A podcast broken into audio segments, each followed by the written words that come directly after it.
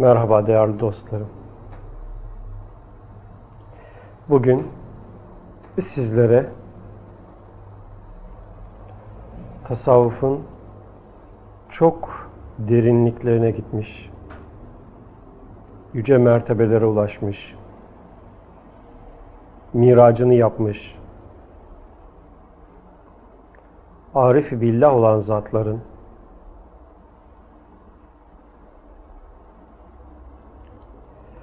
bize ilettikleri marif billah neticesinde vakıf olduğumuz bazı sırlardan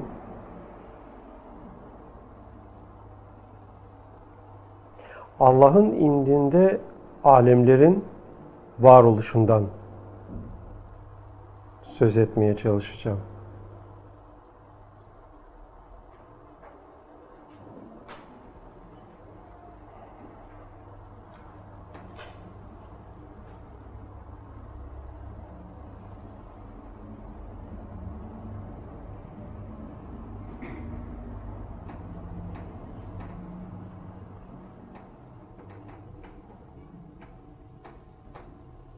Tasavvuf çok derin bir göl. Belki deniz, belki okyanus veya daha da geniş, derin, sonsuz bilebildiğiniz neyse o. Çünkü tasavvuf Allah'ı tanıma, bilme, ve yaşama ilmi. Kendi ilmini, kendi sonsuz ilmini ishar etmeyi dilediği takdirde yaşanacak olan bir ilim.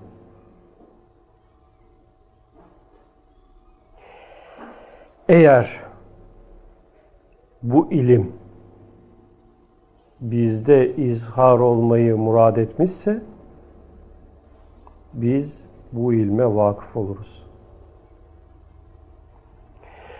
Yok eğer bu ilim bizde ishar olmayı dilememişse muhakkak ki biz bu konuda gaflet üzere yaşarız.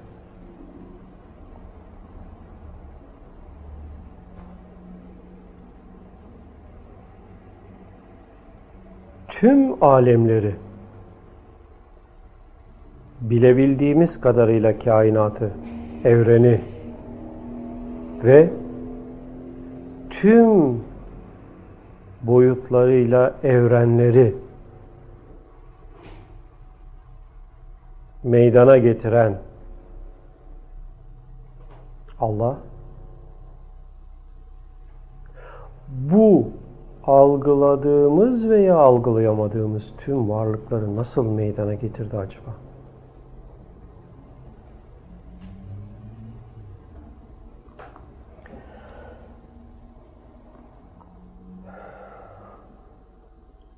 Sonsuz ve sınırsız olduğunu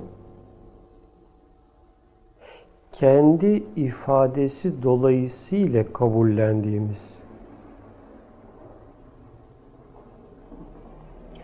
ahad oluşunu, samed oluşunu,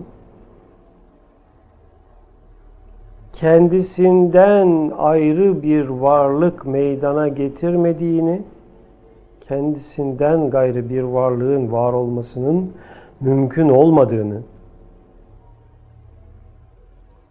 kendisi ifade eden Allah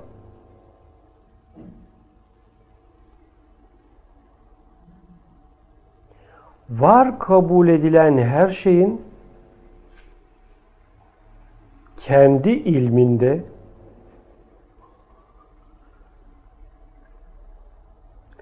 ilmi suretler olarak var olduğunu bize bildiriyor. Ve bu yüzden Arif-i Billahlar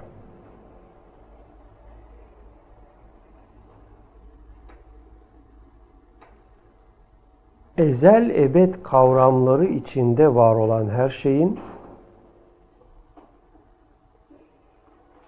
ilmi ilahide tek bir tecelliden ibaret olduğunu ifade ediyorlar. Ve bu tek tecellinin, tecelli-i vahidin nokta ilminin ta kendisi olduğunu beyan buyuruyorlar. Öyle bir nokta ki an kelimesiyle anlatılan bu nokta sonsuz ve sınırsız zaman kavramı içinde var olan her şeyin kendisinde mündemiş bulunduğu bir nokta. El ilmi noktatun. İlm bir noktadır. Buyruluyor.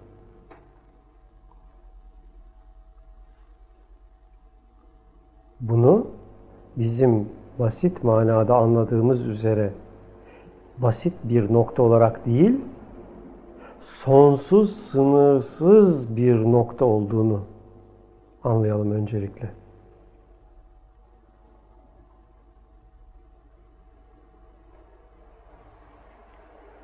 Mahiyetinin anlaşılması, kavranılması mümkün olmayan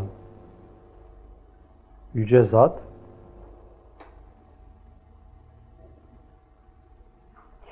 kendi ahadiyeti içinde tenezzül ederek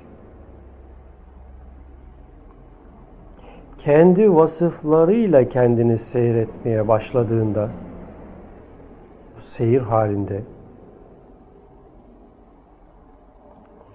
kendi özelliklerini seyretmeyi diliyor. Kendi özelliklerine nazarı ise ki bu özellikler Esmaül Hüsna diye bilinen isimlerin manalarıdır. Bu manalar tüm alemlerin ortaya koyduğu manalardan başka bir şey değildir.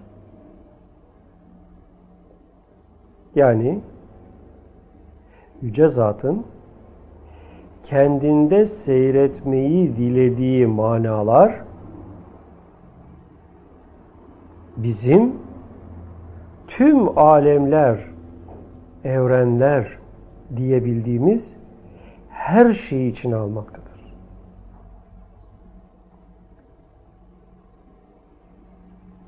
Bizim bakışımız itibariyle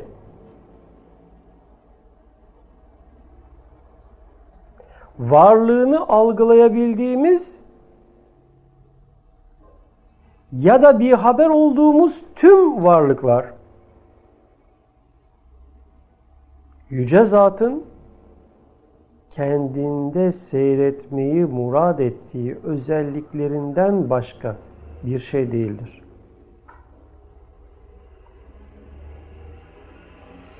Nasıl ki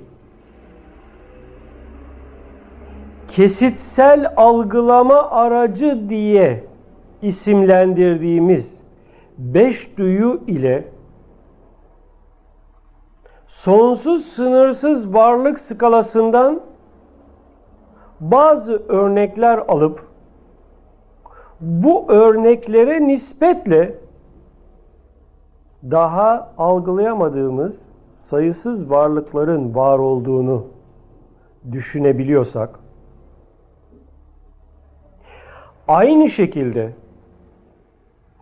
Esmaül Hüsna diye bildiğimiz Allah'ın isimlerinin işaret ettiği özellikler de yüce zatın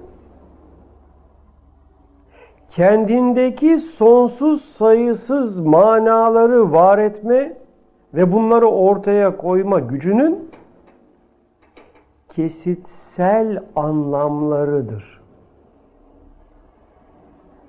Burayı çok iyi anlamak gerek. Aksi takdirde o yüce zatı bize örnek olarak bildirilen manalarla kayıt altına almış ve böylece onun ahadiyetini kayıtlı, sınırlı anlamlar bütünü olarak kabul etme gafletine düşmüş oluruz. Burası üzerinde durulması, dikkatle anlaşılması gereken çok önemli hususlardan bir tanesidir. Evet, o yüce zat kendindeki sonsuz, sayısız, sınırsız manaları seyretmeyi murad ettiği için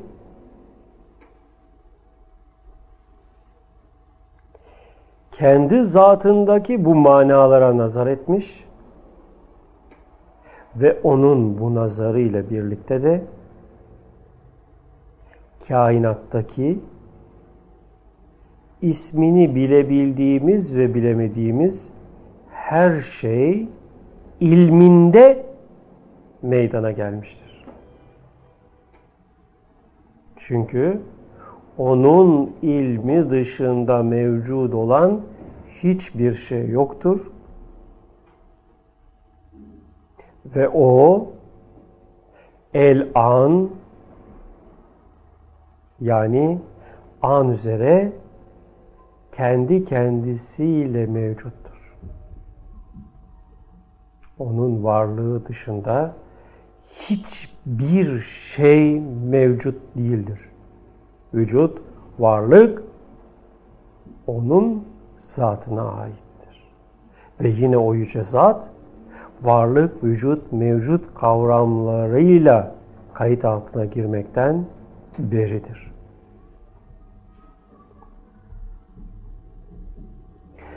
Bu yüce zatın Kuddus ismiyle işaret edilen manalarından oluşmuş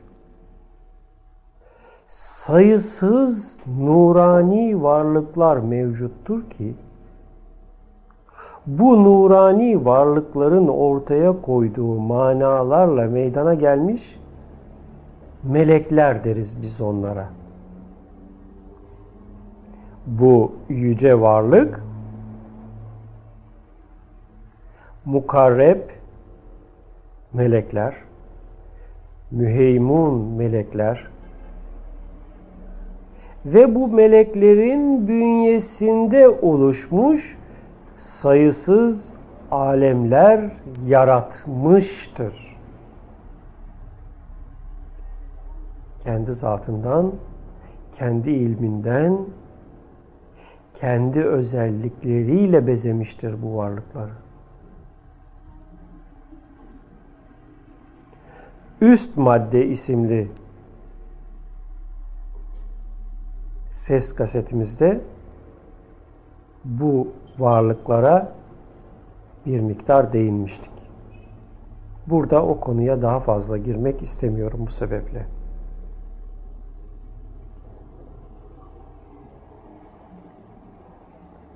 Her bir boyutun bir üst boyutu her bir algılama aracının tespit ettiği kendi boyutuna göre madde olan yapının bir üst madde yapısı vardır ki o boyut bir öncekinin Rabbı hükmündedir. Alemlerin Rabbı ise Allah'tır. Sakın ola ki burada yanlış anlaşıla pek çok Rablar düşünüle. her bir boyutun üstündeki bir üst boyutun o boyutun Rabbi olması o Rabbani varlığın tüm özelliklerini Allah'tan almasıyla kaimdir. Dolayısıyla o Rab gene Allah'tır.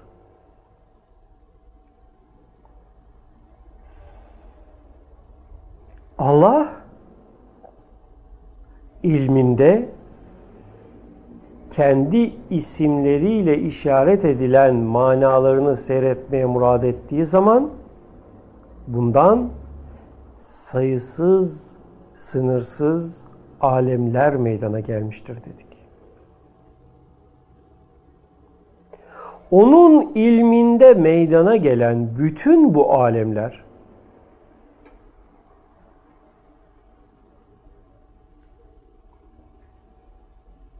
onun kudretiyle kaim, onun varlığıyla daim alemlerdir ki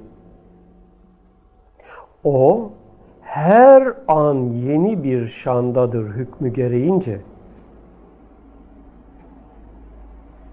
Tüm varlığı her an imha etmede ve akabinde icat etmededir.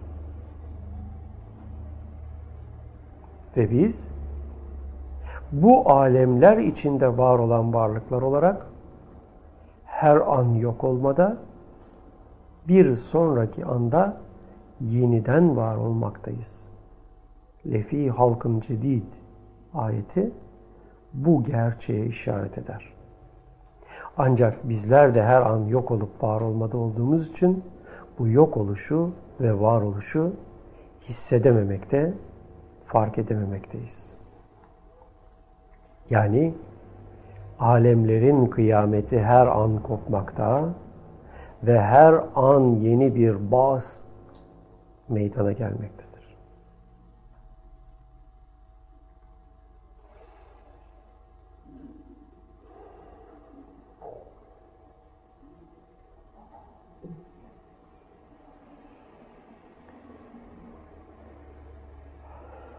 Alemlerin Rabbı olan Allah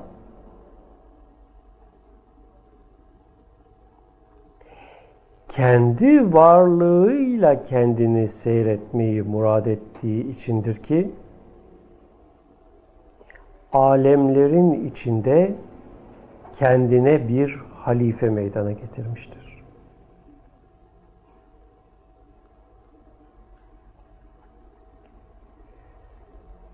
Güneş sisteminde, dünya aleminde onun halifesi insandır. İnsan halifetullah'tır. Ama yeryüzünde.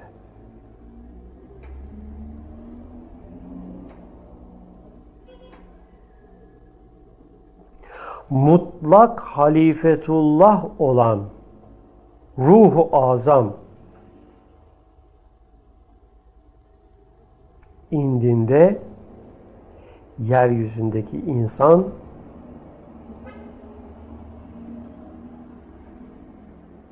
ne ölçüye gelir, ne kıyasa gelir, ne hesaba gelir. Daha önceki bir sohbetimizde size evrenin boyutlarını, varlığını, evrende galaksimizin bir nokta bile olmadığını 400 milyar yıldızdan oluşan galaksi içinde güneşin yerinin gösterilemediğini, onun yanında insanın varlığınınsa hiç kere sonsuz hiç olduğunu anlatmaya çalışmıştım.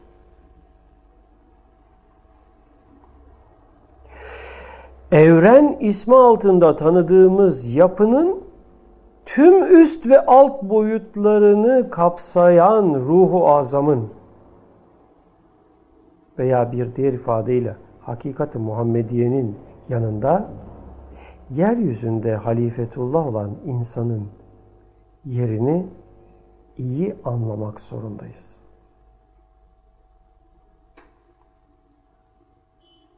Ama buna rağmen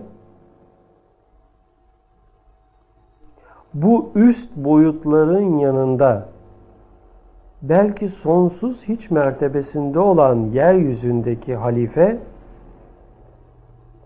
kendi zatından kendisinde ishar olan ilimle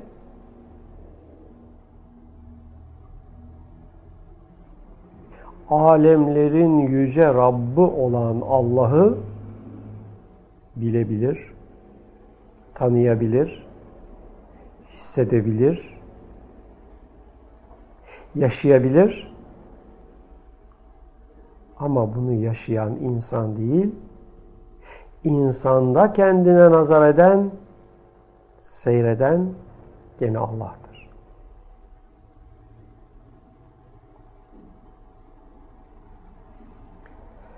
Varlığın tüm katmanlarını o katmanın kendisinden meydana getirilmiş bir yapıyla seyretmekte olan Allah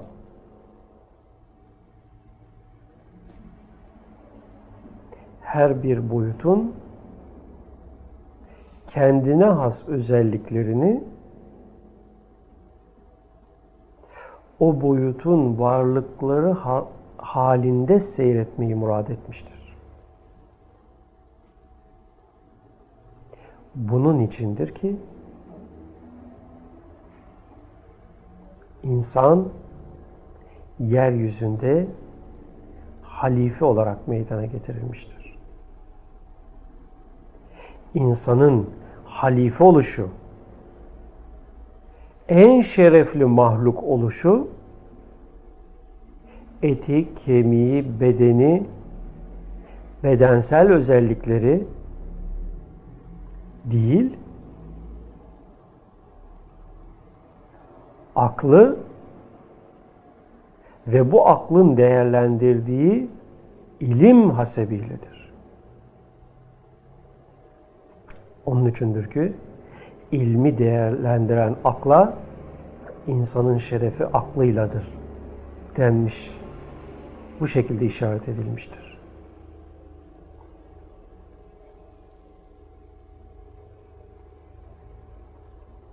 Akıl aklı cüz, aklı kül, aklı evvel mertebeleriyle tanınır bilinir. Sonlu ve sınırlı nesnelere yönelik değerlendirme mekanizması olarak akıl, aklı cüz vasfıyla tanımlanırken, sonsuz, sınırsız, beş duyuyla algılananların ötesindeki boyuta işaret eden ve değerlendiren yönüyle aklı kül olarak nitelendirilir. İlmi ilahiyi kavraması, ilmi ilahiyi değerlendirmesi, ilmi ilahiyi seyretmesi itibariyle sonsuz ve sınırsıza nazar eden akılsa aklı evvel diye tanımlanmıştır. Tüm alemleri seyreden aklı evvel yüce zat olan Allah'ın ilim sıfatının varlığından başka bir şey değildir.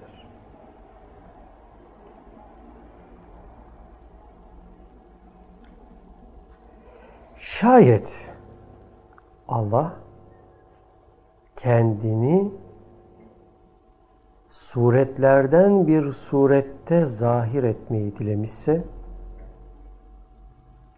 önce o surette vehimden doğan benlik kavramını ifna eder, ortadan kaldırır.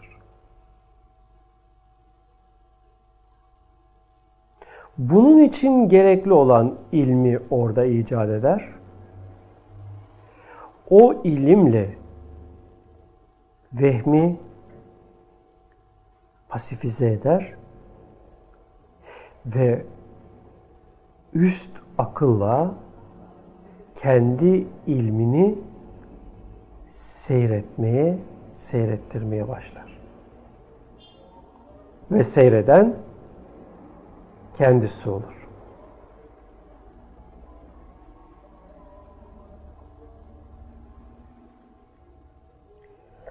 Allahu Ekber deriz. Allahu Ekber sözünü söyleyebilmek için benliğin ortadan kalkması,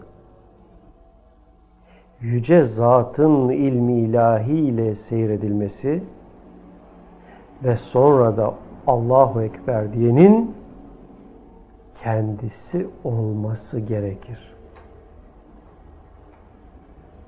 Bu sebepten gerçek manası ile Allahu Ekber diyebilmek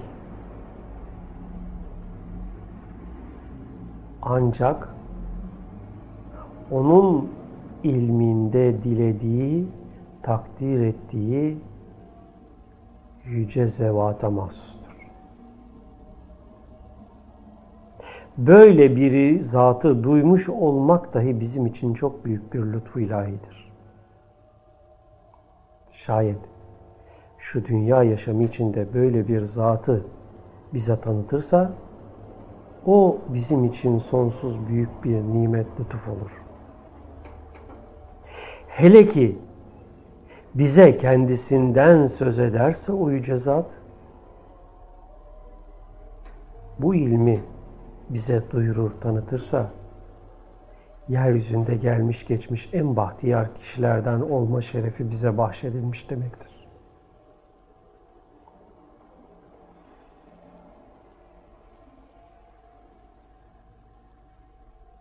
Böylesine sonsuz, sınırsız,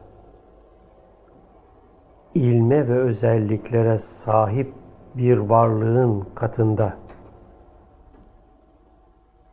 yaşama değeri bize bahşedilmişse elbette ki yarın terk edilecek olan nesneler bizim için hiçbir değer ifade etmez. Çünkü yarın terk edeceğin şey gerçekte bugün de sana ait değildir. Her ne ki kendimize ait sanırız, bu sanı bir aldanıştan başka bir şey olmaz.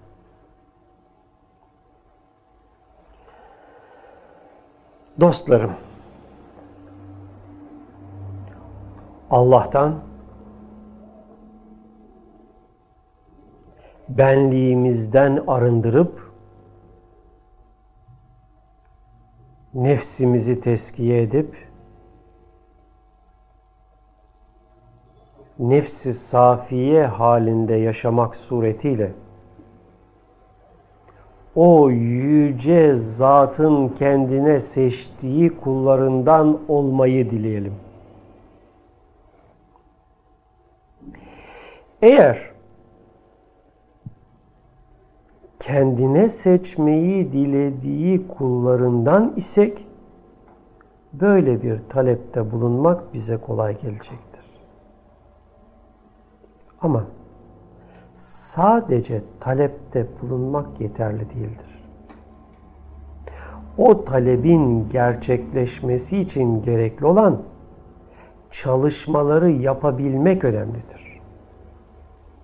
Çünkü bildirilmiştir ki Femen ya'mel miskale zerretun hayran yere ve men ya'mel miskale zerretun şerren yere.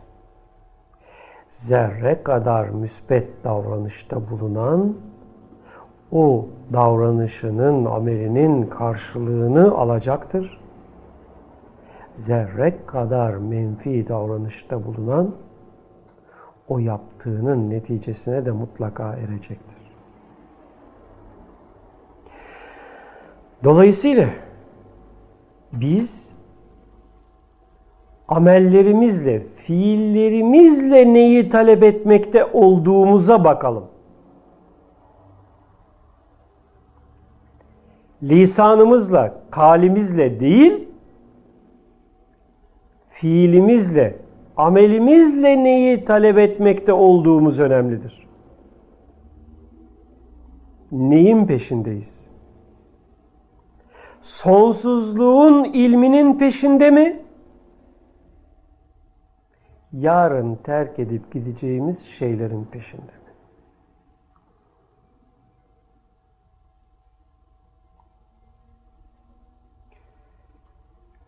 Bazen bazı karışıklıkların içine düşüyoruz. Diyoruz ki ama bizim bir bedenimiz var. İçinde yaşadığımız bir dünya var. Dünyadan tümüyle elimizi ayağımızı çekip de tamamıyla manaya, maneviyata mı yönelelim? Bu bir yanılgıdır.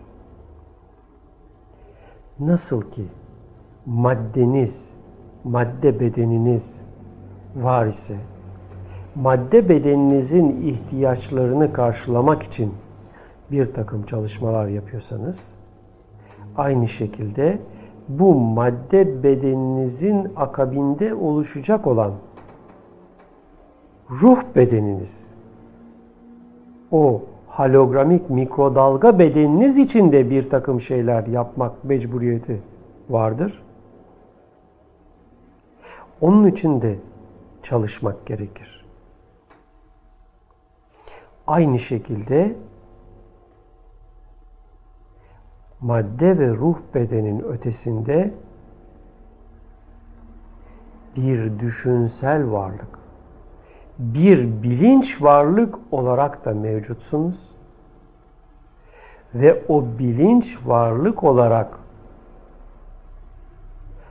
var olmanın neticesinde bilinç boyutunda ilim sahibi bir düşünsel varlık olarak da kendinizi tanımak mecburiyetindesiniz bütün bunların hakkını ayrı ayrı vermek zorundayız. Vermezsek hakkını vermediğimiz boyutun kaybının sıkıntılarını çekeceğiz. Bundan hiç kimse bizi alakoyamaz. Öyleyse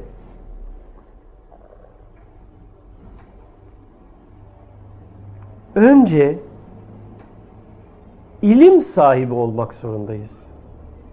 Ki varlığı, boyutlarını ve katlarını iyi anlayalım ve onların haklarını eda edelim. Onların gereklerini yerine getirelim. İşte bunun içindir ki ilim her şeyin başıdır. Onun içindir ki denmiş, Çin'de bile olsa gidip ilmi alınız. Ve bu sözün söylendiği zaman da söylendiği yerden Çin'e gidebilmek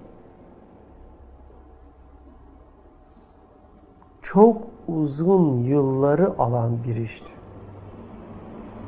Belki dönmeye ömür bile yetmiyordu. Yani ömrünüzü ilim yolunda feda ediniz denmek istenmiştir adeta. Çünkü ilim sayesinde ölümü tattığınız andan itibaren başlayacak olan ebedi hayatın milyarlarla sene sürecek olan ebedi hayatın bütün değerlerine kavuşacak veya o değerlerden ebediyen mahrum kalacaksınız. Şimdi bir düşünün.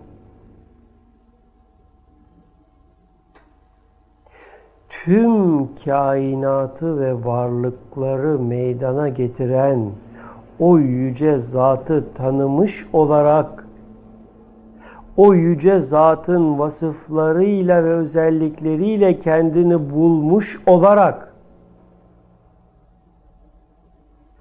o yüce zatın kudretiyle her an varlıkta tasarruf eder bir biçimde ebedi hayata adım atmak mı?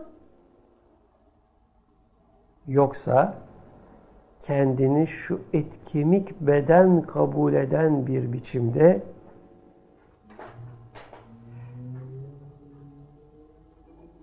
kendi kendimizi canlı canlı, diri diri mezara hapsederek o ebedi hayata başlamak mı?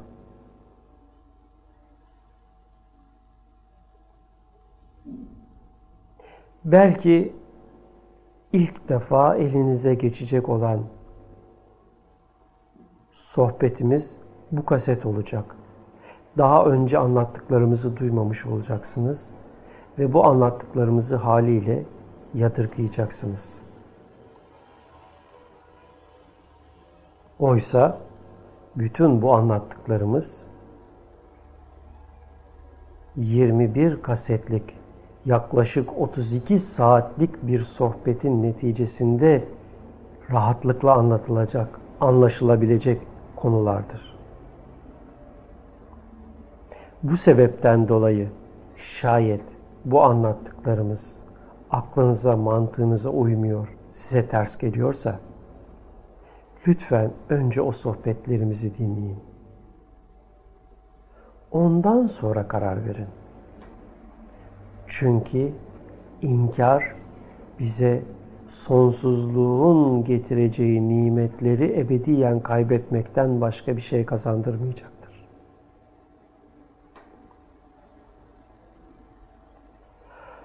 Allah insanı kendi sureti üzerine var etmiştir buyruluyor.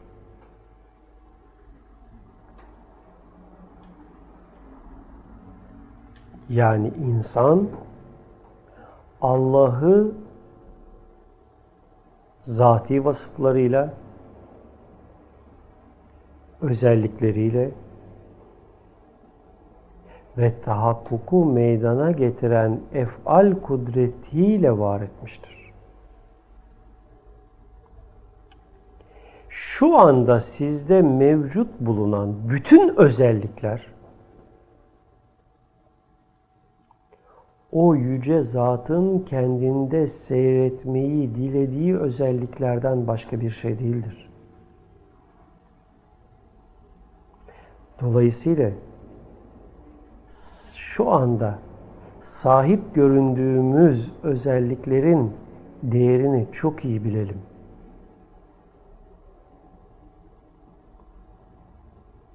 Kesin olarak bilelim ki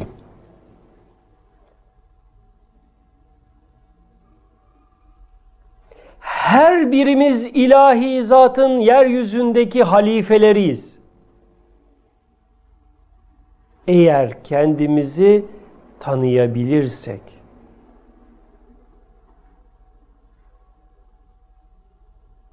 kendimizi tanıma konusunda gaflet eder. Kendi özümüzü, varlığımızın aslını, hakikatini, orijinini tanıyamadan bu dünyadan geçer gidersek bize kendimizden daha büyük zararı hiç kimse veremez ve vermemiştir.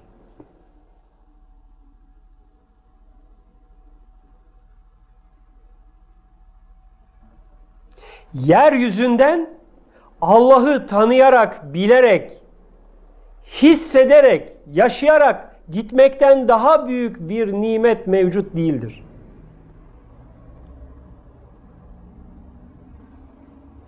Bu takdirde sonsuza dek ilahi zatın lütfu ve keremiyle ve onun ilmiyle yaşamış oluruz. Allah'ın özelliklerinin sonu var mıdır?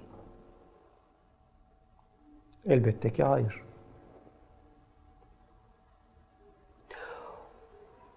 Kendi varlığında onu tanımış olanın özelliklerinin sonu olur mu bu takdirde? Elbette ki gene hayır. Demek ki Allah'ı tanıyan insanın ereceği, sahip olacağı özelliklerin haddi hesabı yoktur.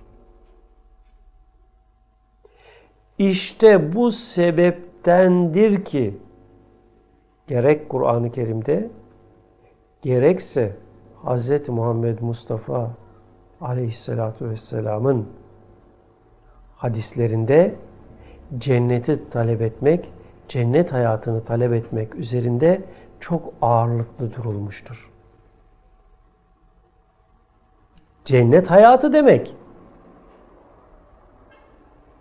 Birimden çıkan bütün istek, arzu, tasavvur ve hayallerin hepsinin anında yerine gelmesi ve yaşanması demektir.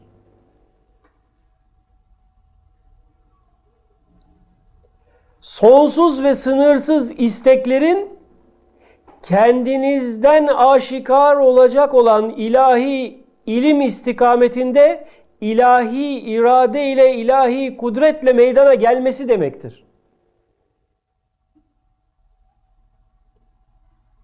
Allah'ın Hay isminin sizde zahir olması suretiyle sonsuz bir hayata sahip olmanız, Allah'ın Alim isminin manasının sizde zahir olması hasebiyle sonsuz ilme sahip olmanız, Allah'ın mürid isminin manası gereğince sizden sonsuz ve sınırsız iradenin zahir olması, onun kadir ve muktedir isimleri gereğince ilahi kudretle tahakkuk etmeniz demektir cennet hayatı.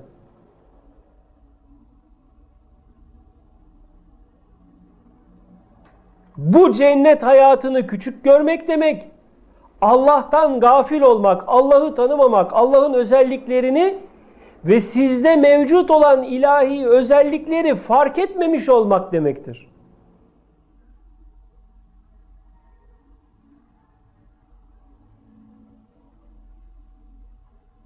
Yoksa sanmayın ki cennet bir bostan, bir bahçe, evler, köşkler, yalılar, güzeller olan bir seyrangah değildir. Cennet zati varlıkla kaim olan birimin zati sıfatlarla tahakkuk ederek kendisindeki ilahi özelliklerin gereğini adeta sanki bir tanrıymış gibi yaşayabilmesi demektir. Böyle bir lütuf, böyle bir inam, böyle bir ihsandır cennet. Ya cehennem? Cehennem de kendini bilip tanıyıp kendi özellikleriyle tahakkuk edemeyen birimin içinde bulunduğu ortamın esiri, kölesi olarak içinde bulunacağı ortamın varlıklarının esiri, kölesi, oyuncağı olarak yaşamak mecburiyetinde kalması demektir. Elbette ki dünya güneşin içine gidecektir. Elbette ki dünyadan kaçıp kurtulamayan bütün varlıklar dünya ile birlikte güneşin içine gidecek. Dünya eriyip buhar olup yok olacak ama güneşin içine giden o varlıklar o güneşte ebediyen yaşamak mecburiyetinde kalacaklardır. Nasıl ki dünyanın kendine has canlı varlıkları var ise aynı şekilde her bir planetin, her bir yıldızın dahi kendine has, kendi yapısına uygun canlı varlıkları mevcuttur. İşte bu sebepledir ki güneşin de kendi yapısına uygun bir biçimde var olan kendi canlı varlıkları vardır ve Kur'an-ı Kerim'de onlardan zebani diye bahsedilmiştir. Zebani ismi zebun edici vasfından gelmiştir. Yani güneşin yani cehennemin içinde yaşamakta olan bir takım varlıklar vardır ki bu varlıklar kendi ortamlarına gelen başka ortamların varlıklarını aşağılarlar. Onlar üzerinde tasarruf ederler. Onlara eziyet verirler. Anlamında olarak zebun edici varlıklar olarak zebani diye tanımlanmışlardır. Dünyada, güneşte yaşayan bu varlıklar gibi evrende mevcut olan her yıldızda dahi yaşayan varlıklar vardır.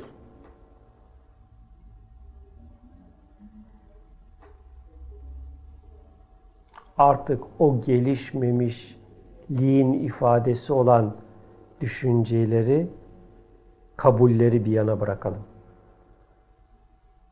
Dünya düz bir tepsi, üstünde bütün kainatın en yüce varlığı olan biz insanlar yaşıyor. Güneş bizim çevremizde dönüyor. Bütün kainat bu yeryüzünde yaşayan insanlar için var olmuş. Haşa.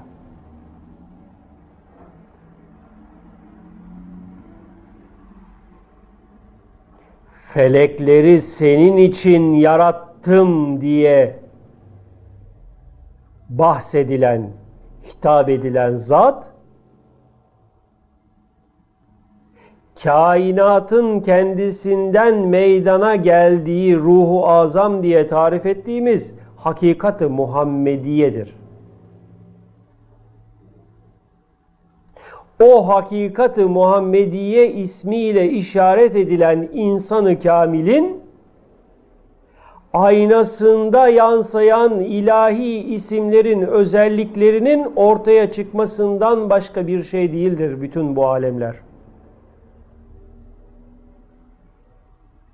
Ve o yüce insanı kamilin hakikati Muhammediye'nin manalarından bir mananın zahire çıkartıcısıdır yeryüzünde yaşamış olan Muhammed Mustafa Efendimiz.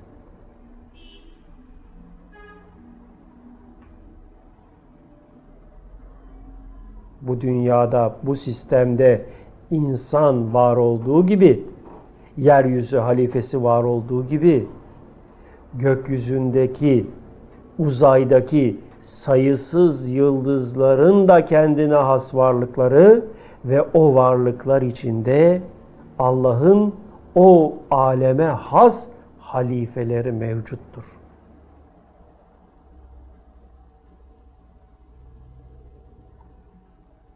Lütfen artık gerçekçi olalım.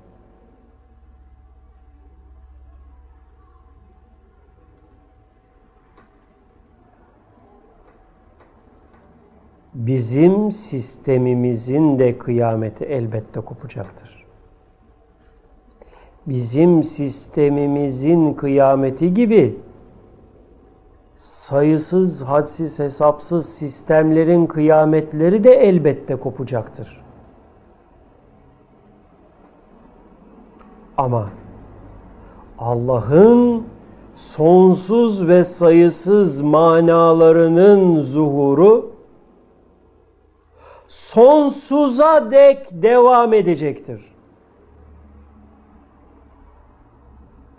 Sonsuza dek kıyametler kopacak, sonsuza dek yeni yeni alemler bas olacak, var olacak, meydana gelecek ve Allah'ın sonsuz ve sınırsız yapısı içinde sonsuz ve sınırsız ilminin gereği olarak sonsuz ve sınırsız alemler var olmakta, yok olmakta, tekrar var olmakta devam ede gidecektir.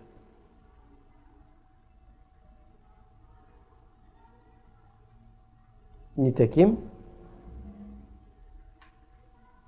bütün galaksiler ve varlıklar geçmişte bir anda var olmuştur görüşü günümüzde iflas etmiş.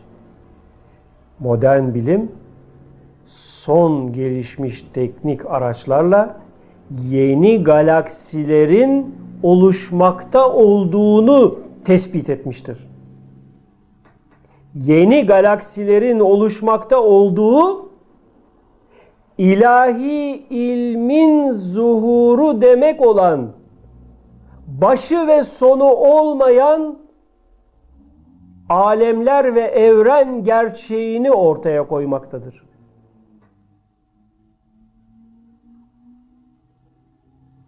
İlmi ilahinin başı ve sonu olmadığı gibi kudret-i ilahinin dahi başı ve sonu yoktur. Kudret-i ilahinin başı ve sonu olmayışı demek o kudretin eseri olarak meydana gelmiş olan alemlerin sonsuz ve sınırsız olarak var olmakta, yok olmakta ve tekrar var olmakta ve deva böylece devam ede gitmekte olduğunu ispat eder, gösterir.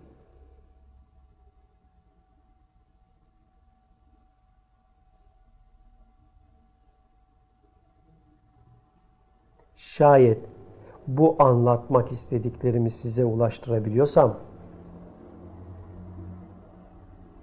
lütfen kozamızdan çıkmayı deneyelim.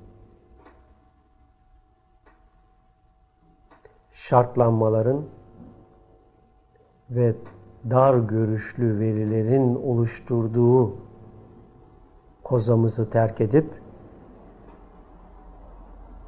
evrenin sonsuzluklarını seyretmeye, evren adı altında ortaya çıkan sonsuz ilmi ilahinin manalarının varlığını seyretmeye çalışalım. Bunu yaptığımız zaman dünyamız tümüyle değişmeye başlayacak.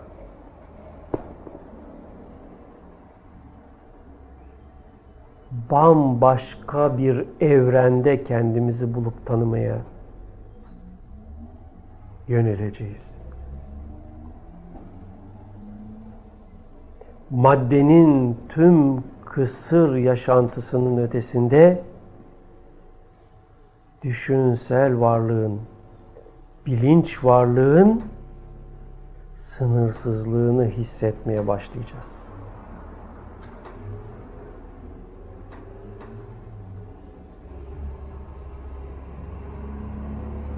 İşte böyle dostlar.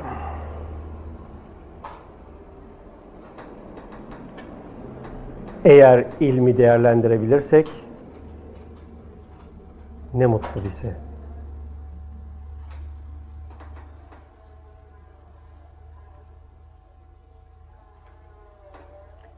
Çünkü ilim bize öyle bir kapı açacaktır ki bu kapının ardındaki hadsiz, hesapsız, sonsuz, sınırsız güzellikleri bir beşer dilinin ifade edebilmesi mümkün değildir. Onun içindir ki hadisi kutsi'de Allah Ben cennette hiçbir gözün görmediği, hiçbir kulağın işitmediği, hiçbir dilin söylemediği nimetler ve güzellikler hazırladım sizler için buyuruyor.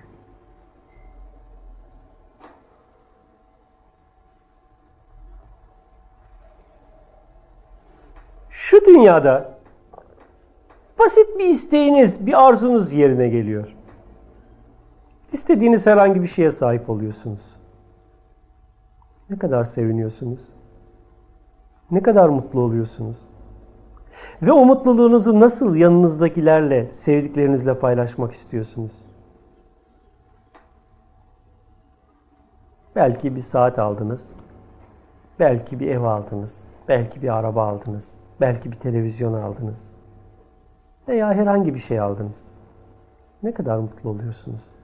Bir isteğinizin, bir arzunuzun yerine gelmesidir bu. Ve hayatınız boyunca düşünün kaç isteğiniz yerine geliyor? Kaç arzunuza nail olabiliyorsunuz? Hayatın pek çok sıkıntısı ve ızdırabı içinde ancak 5-10 veya 50-100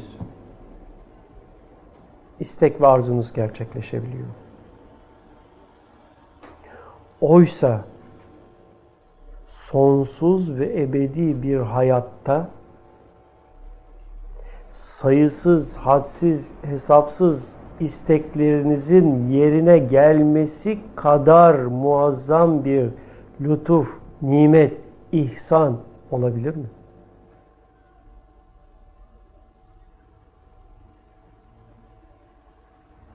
Nimetlerin en büyüğü İhsanın en yücesi Allah'ı bilmektir demiş Evliyaullah.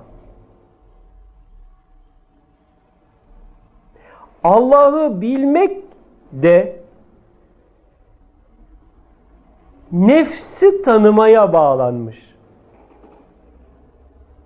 Onun içindir ki men arefe nefsehu fekad arefe rabbehu nefsine arif olan Rabbine arif olabilir denmiş.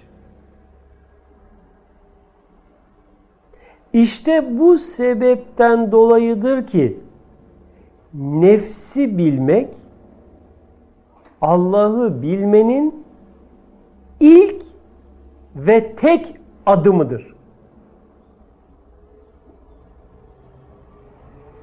Daha önceki sohbetlerimizde anlatmaya çalıştığımız gibi Allah'ı afakta yani dışta yani evrene dönük, kainata dönük, uzaya dönük, sonsuzluğa dönük bir biçimde asla tanıyamaz, bilemez, bulamazsınız.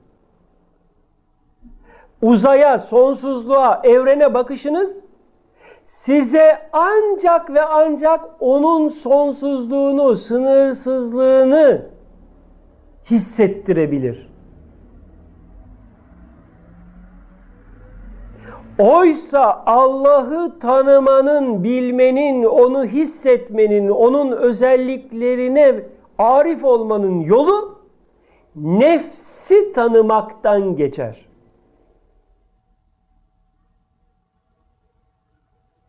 Zira nefs hakikati itibariyle o yüce zatın benliğinin ortaya çıkışından başka bir şey değildir.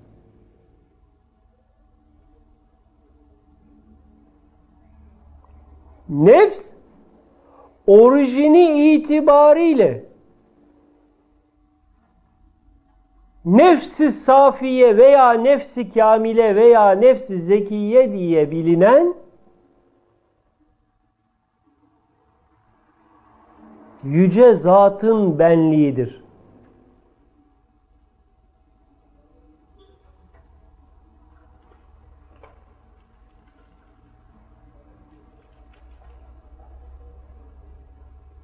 Ne var ki nefs bu bedende gözünü açtığı için bu bedende kendini tanıdığı için kendisinin bu beden olduğu yolundaki şartlanmalarla perdelendiği, glaf içine girdiği, gaflet halini yaşamak zorunda olduğu için Allah'ı tanımaktan ve bilmekten mahrum kalmıştır. Ben nefsime zulmetmekteyim. Cümlesinin manası ben nefsimi hakkıyla tanıyamamaktan dolayı nefsimin hakkını eda edememekte. Onun gereklerini yaşayamamaktayım demektir.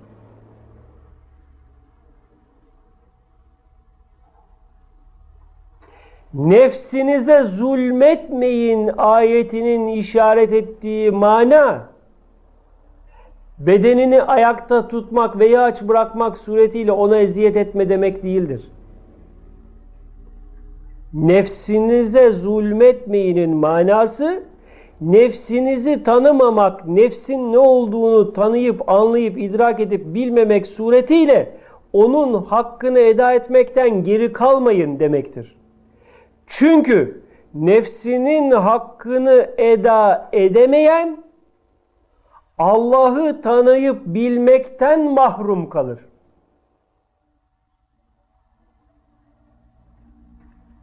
Allah'ı tanıyıp bilmekten mahrum kalmak kadar büyük bir cehennem azabı düşünülemez.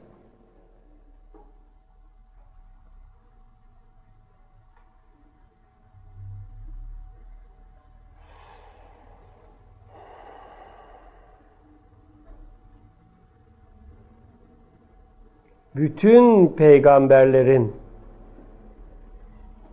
belli zamanlarda ben nefsime zulmettim demesinin manası nefsindeki rububiyet zatının hakkını eda edemediğine işarettir. Ve biz de nefsimizin ne olduğunu, nefsimizin hakikatını bilemediğimiz için her an farkında olmaksızın nefsimize zulmetmekteyiz.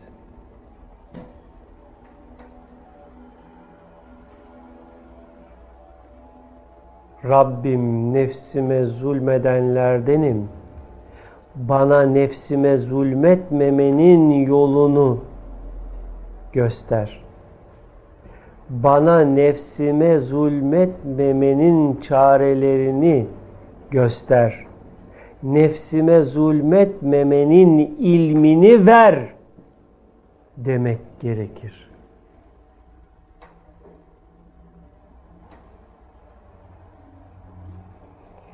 Nefsini tanıyamayan elbette ki kendini bu beden olarak kabullenecek. Nefsini tanıyamamanın çaresizliği, acziyeti ve gafleti içinde elbette ki bu bedenin istek ve arzularına dönük bir biçimde yaşam sürecek. Ve elbette ki tabiatının, bedeninin, esiri olarak bu dünyadan geçip gidecektir.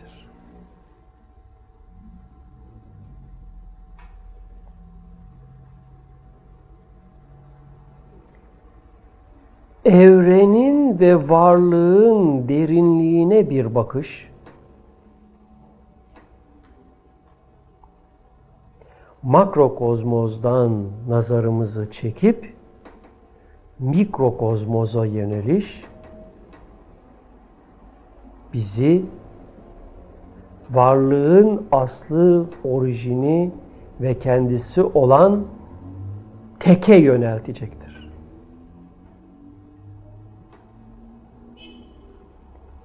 İster ilim aracılığıyla olsun, ister sezgi, ilham yollu olsun, varlığın tekliğini ve dolayısıyla kendi benliğinin var olmayıp o tekin benliğiyle kaim ve daim bir varlık olduğunu idrak eden kişi çok önemli bir varta ile bir tehlike ile yüz yüzedir.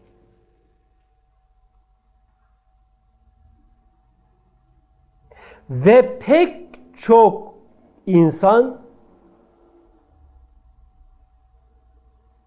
bu tehlikeli bölgede kaymış ve neticede helak olmuştur.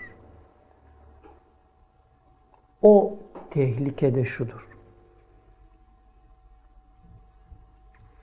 Kendi benliğinin var olmayıp ilahi benlikle var olduğunu hisseden kişi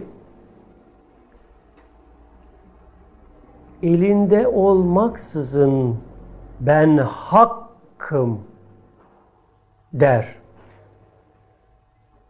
Elinde olmaksızın cübbemin altında Allah'tan gayrı yoktur der.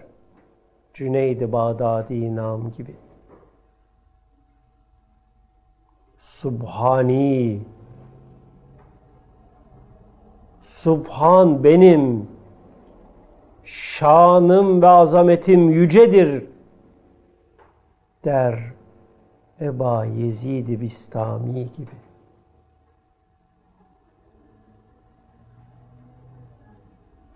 Ama benliğinin gerçeğine bu yüce zevat gibi erememişse o hakkaniyet vasfını bedeninde yaşama gafletine düşer. Şu beden, şu birim haktır der. Bedenin tabiatı istikametinde yaşama gafletine düşer.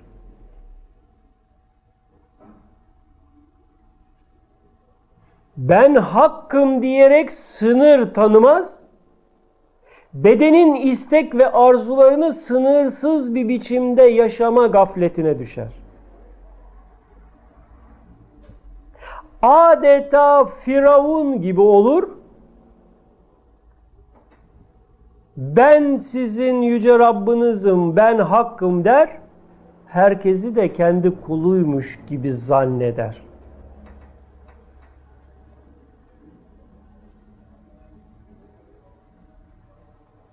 hakkı kendi benliğinde görüp gayrını beşer olarak haktan gayrı varlıklarmış gibi görmek gaflet ve delaletine duçar olur. İşte bu onun helaka giden yolda adım atmaya başlamasıdır.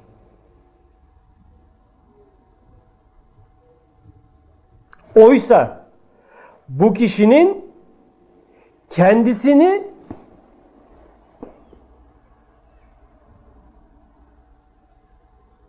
bilinç boyutunda, nefsin hakikati boyutunda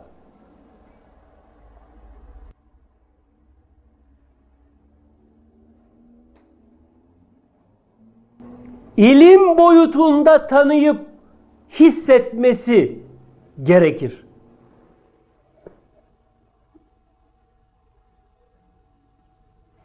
ben hakkım, varlıkta haktan gayrı bir şey yok, öyleyse ben dilediğimi yaparım diyerek içkiye, sefahate, sekse, kumara yönelen maalesef tasavvuf sırlarından bir haber pek çok kişi aramızda dolaşmaktadır. Bunlar bilmelidir ki vahdet ilminin gereği şuurda ilim boyutunda yaşanır. Çünkü varlığın aslında bu ilimden başka bir şey değildir. Bu ilmin kırıntılarını elde edip de bedende hakkaniyetin sorumsuzluğunu ve sınırsızlığını yaşamaya kalkmak demek gaflet ve delalete sapmak demektir. Ama kişi bu bilinç boyutunda yaşanacak olan hakikati hissedip idrak ettikten sonra o sonsuz ve sınırsızlığın ilmi kendisinde şuur boyutunda ortaya çıkarsa bu hal ile itminana ulaşırsa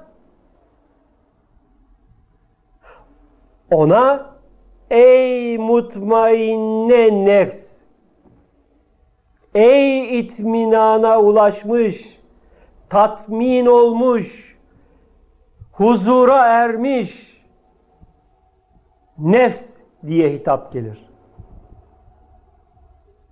Nefsinin hakikatinden.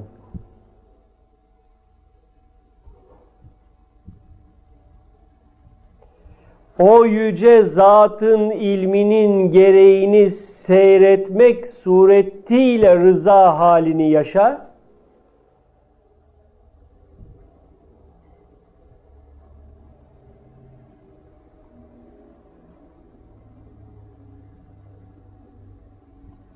Ve kendi özünü tanımanın ebedi, sonsuz huzur ve saadetiyle seyri nazarı ilahide daim baki ol.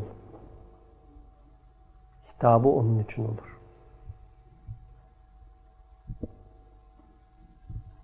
Onun ilminde ilmi ilahi, onun nazarında nazar ilahi,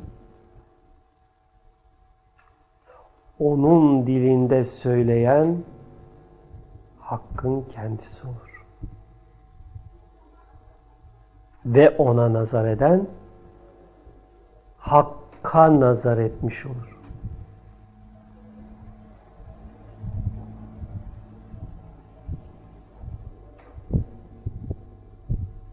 İşte bu hakikati izhar eden Hazreti Resulullah Muhammed Mustafa aleyhissalatu vesselam Efendimiz bir gün Ummu Hani'nin hanesinden kapının önüne çıktığında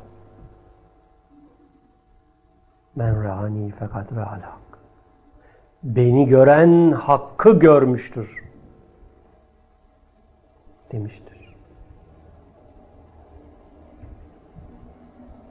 Ve görebilenler elbette ki onu tasdik etmişler.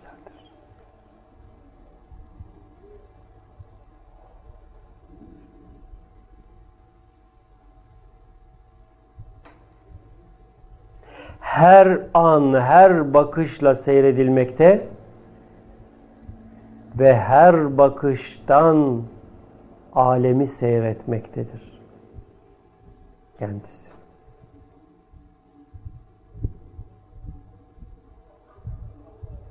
Var sanmaktayız ki biz onu seyrediyoruz. Oysa Seyreden de kendisidir. Seyredilen de. Ve bu bütün seyir ve bu bütün seyredilenler hep onun ilminde olup bitmektedir. Ancak urucunu tamamlayıp veya bugünün ifadesiyle zirveye bilinç sıçraması yapmak suretiyle aslına erip aslında varlığının var olmadığını bil fiil yaşayıp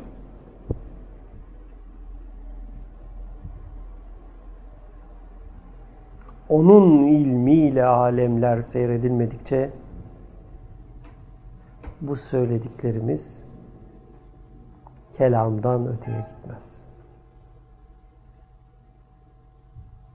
Dostlarım, belki sizleri bu anlattıklarımla oldukça yordum. Ama ne çare ki bu ilimlerin de günümüzde anlatılması gerekiyor. Herhangi bir yerde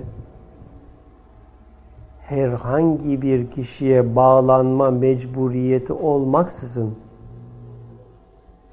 böyle bir bağlanma imkanına sahip olmayanların da bu ilmi işitip bilip gereğine yönelmesini dilemiş ki o dileyen bizden bu ilmi sizlere ulaştırıyor. Allah dilerim ki sizlerin de bu ilmi yaşamasını kolaylaştırmış olsun. Bu ilmin bu ilmi yaşamanın yollarını size kolaylaştırmış olsun. Bu ilmi yaşamak için gerekli olan çalışmaları yapmayı size kolaylaştırmış olsun. Ve böylece ona ermek onu yaşamak zevki hepimize hal olsun. Allah cümlemizin muyunu olsun. Hoşçakalın.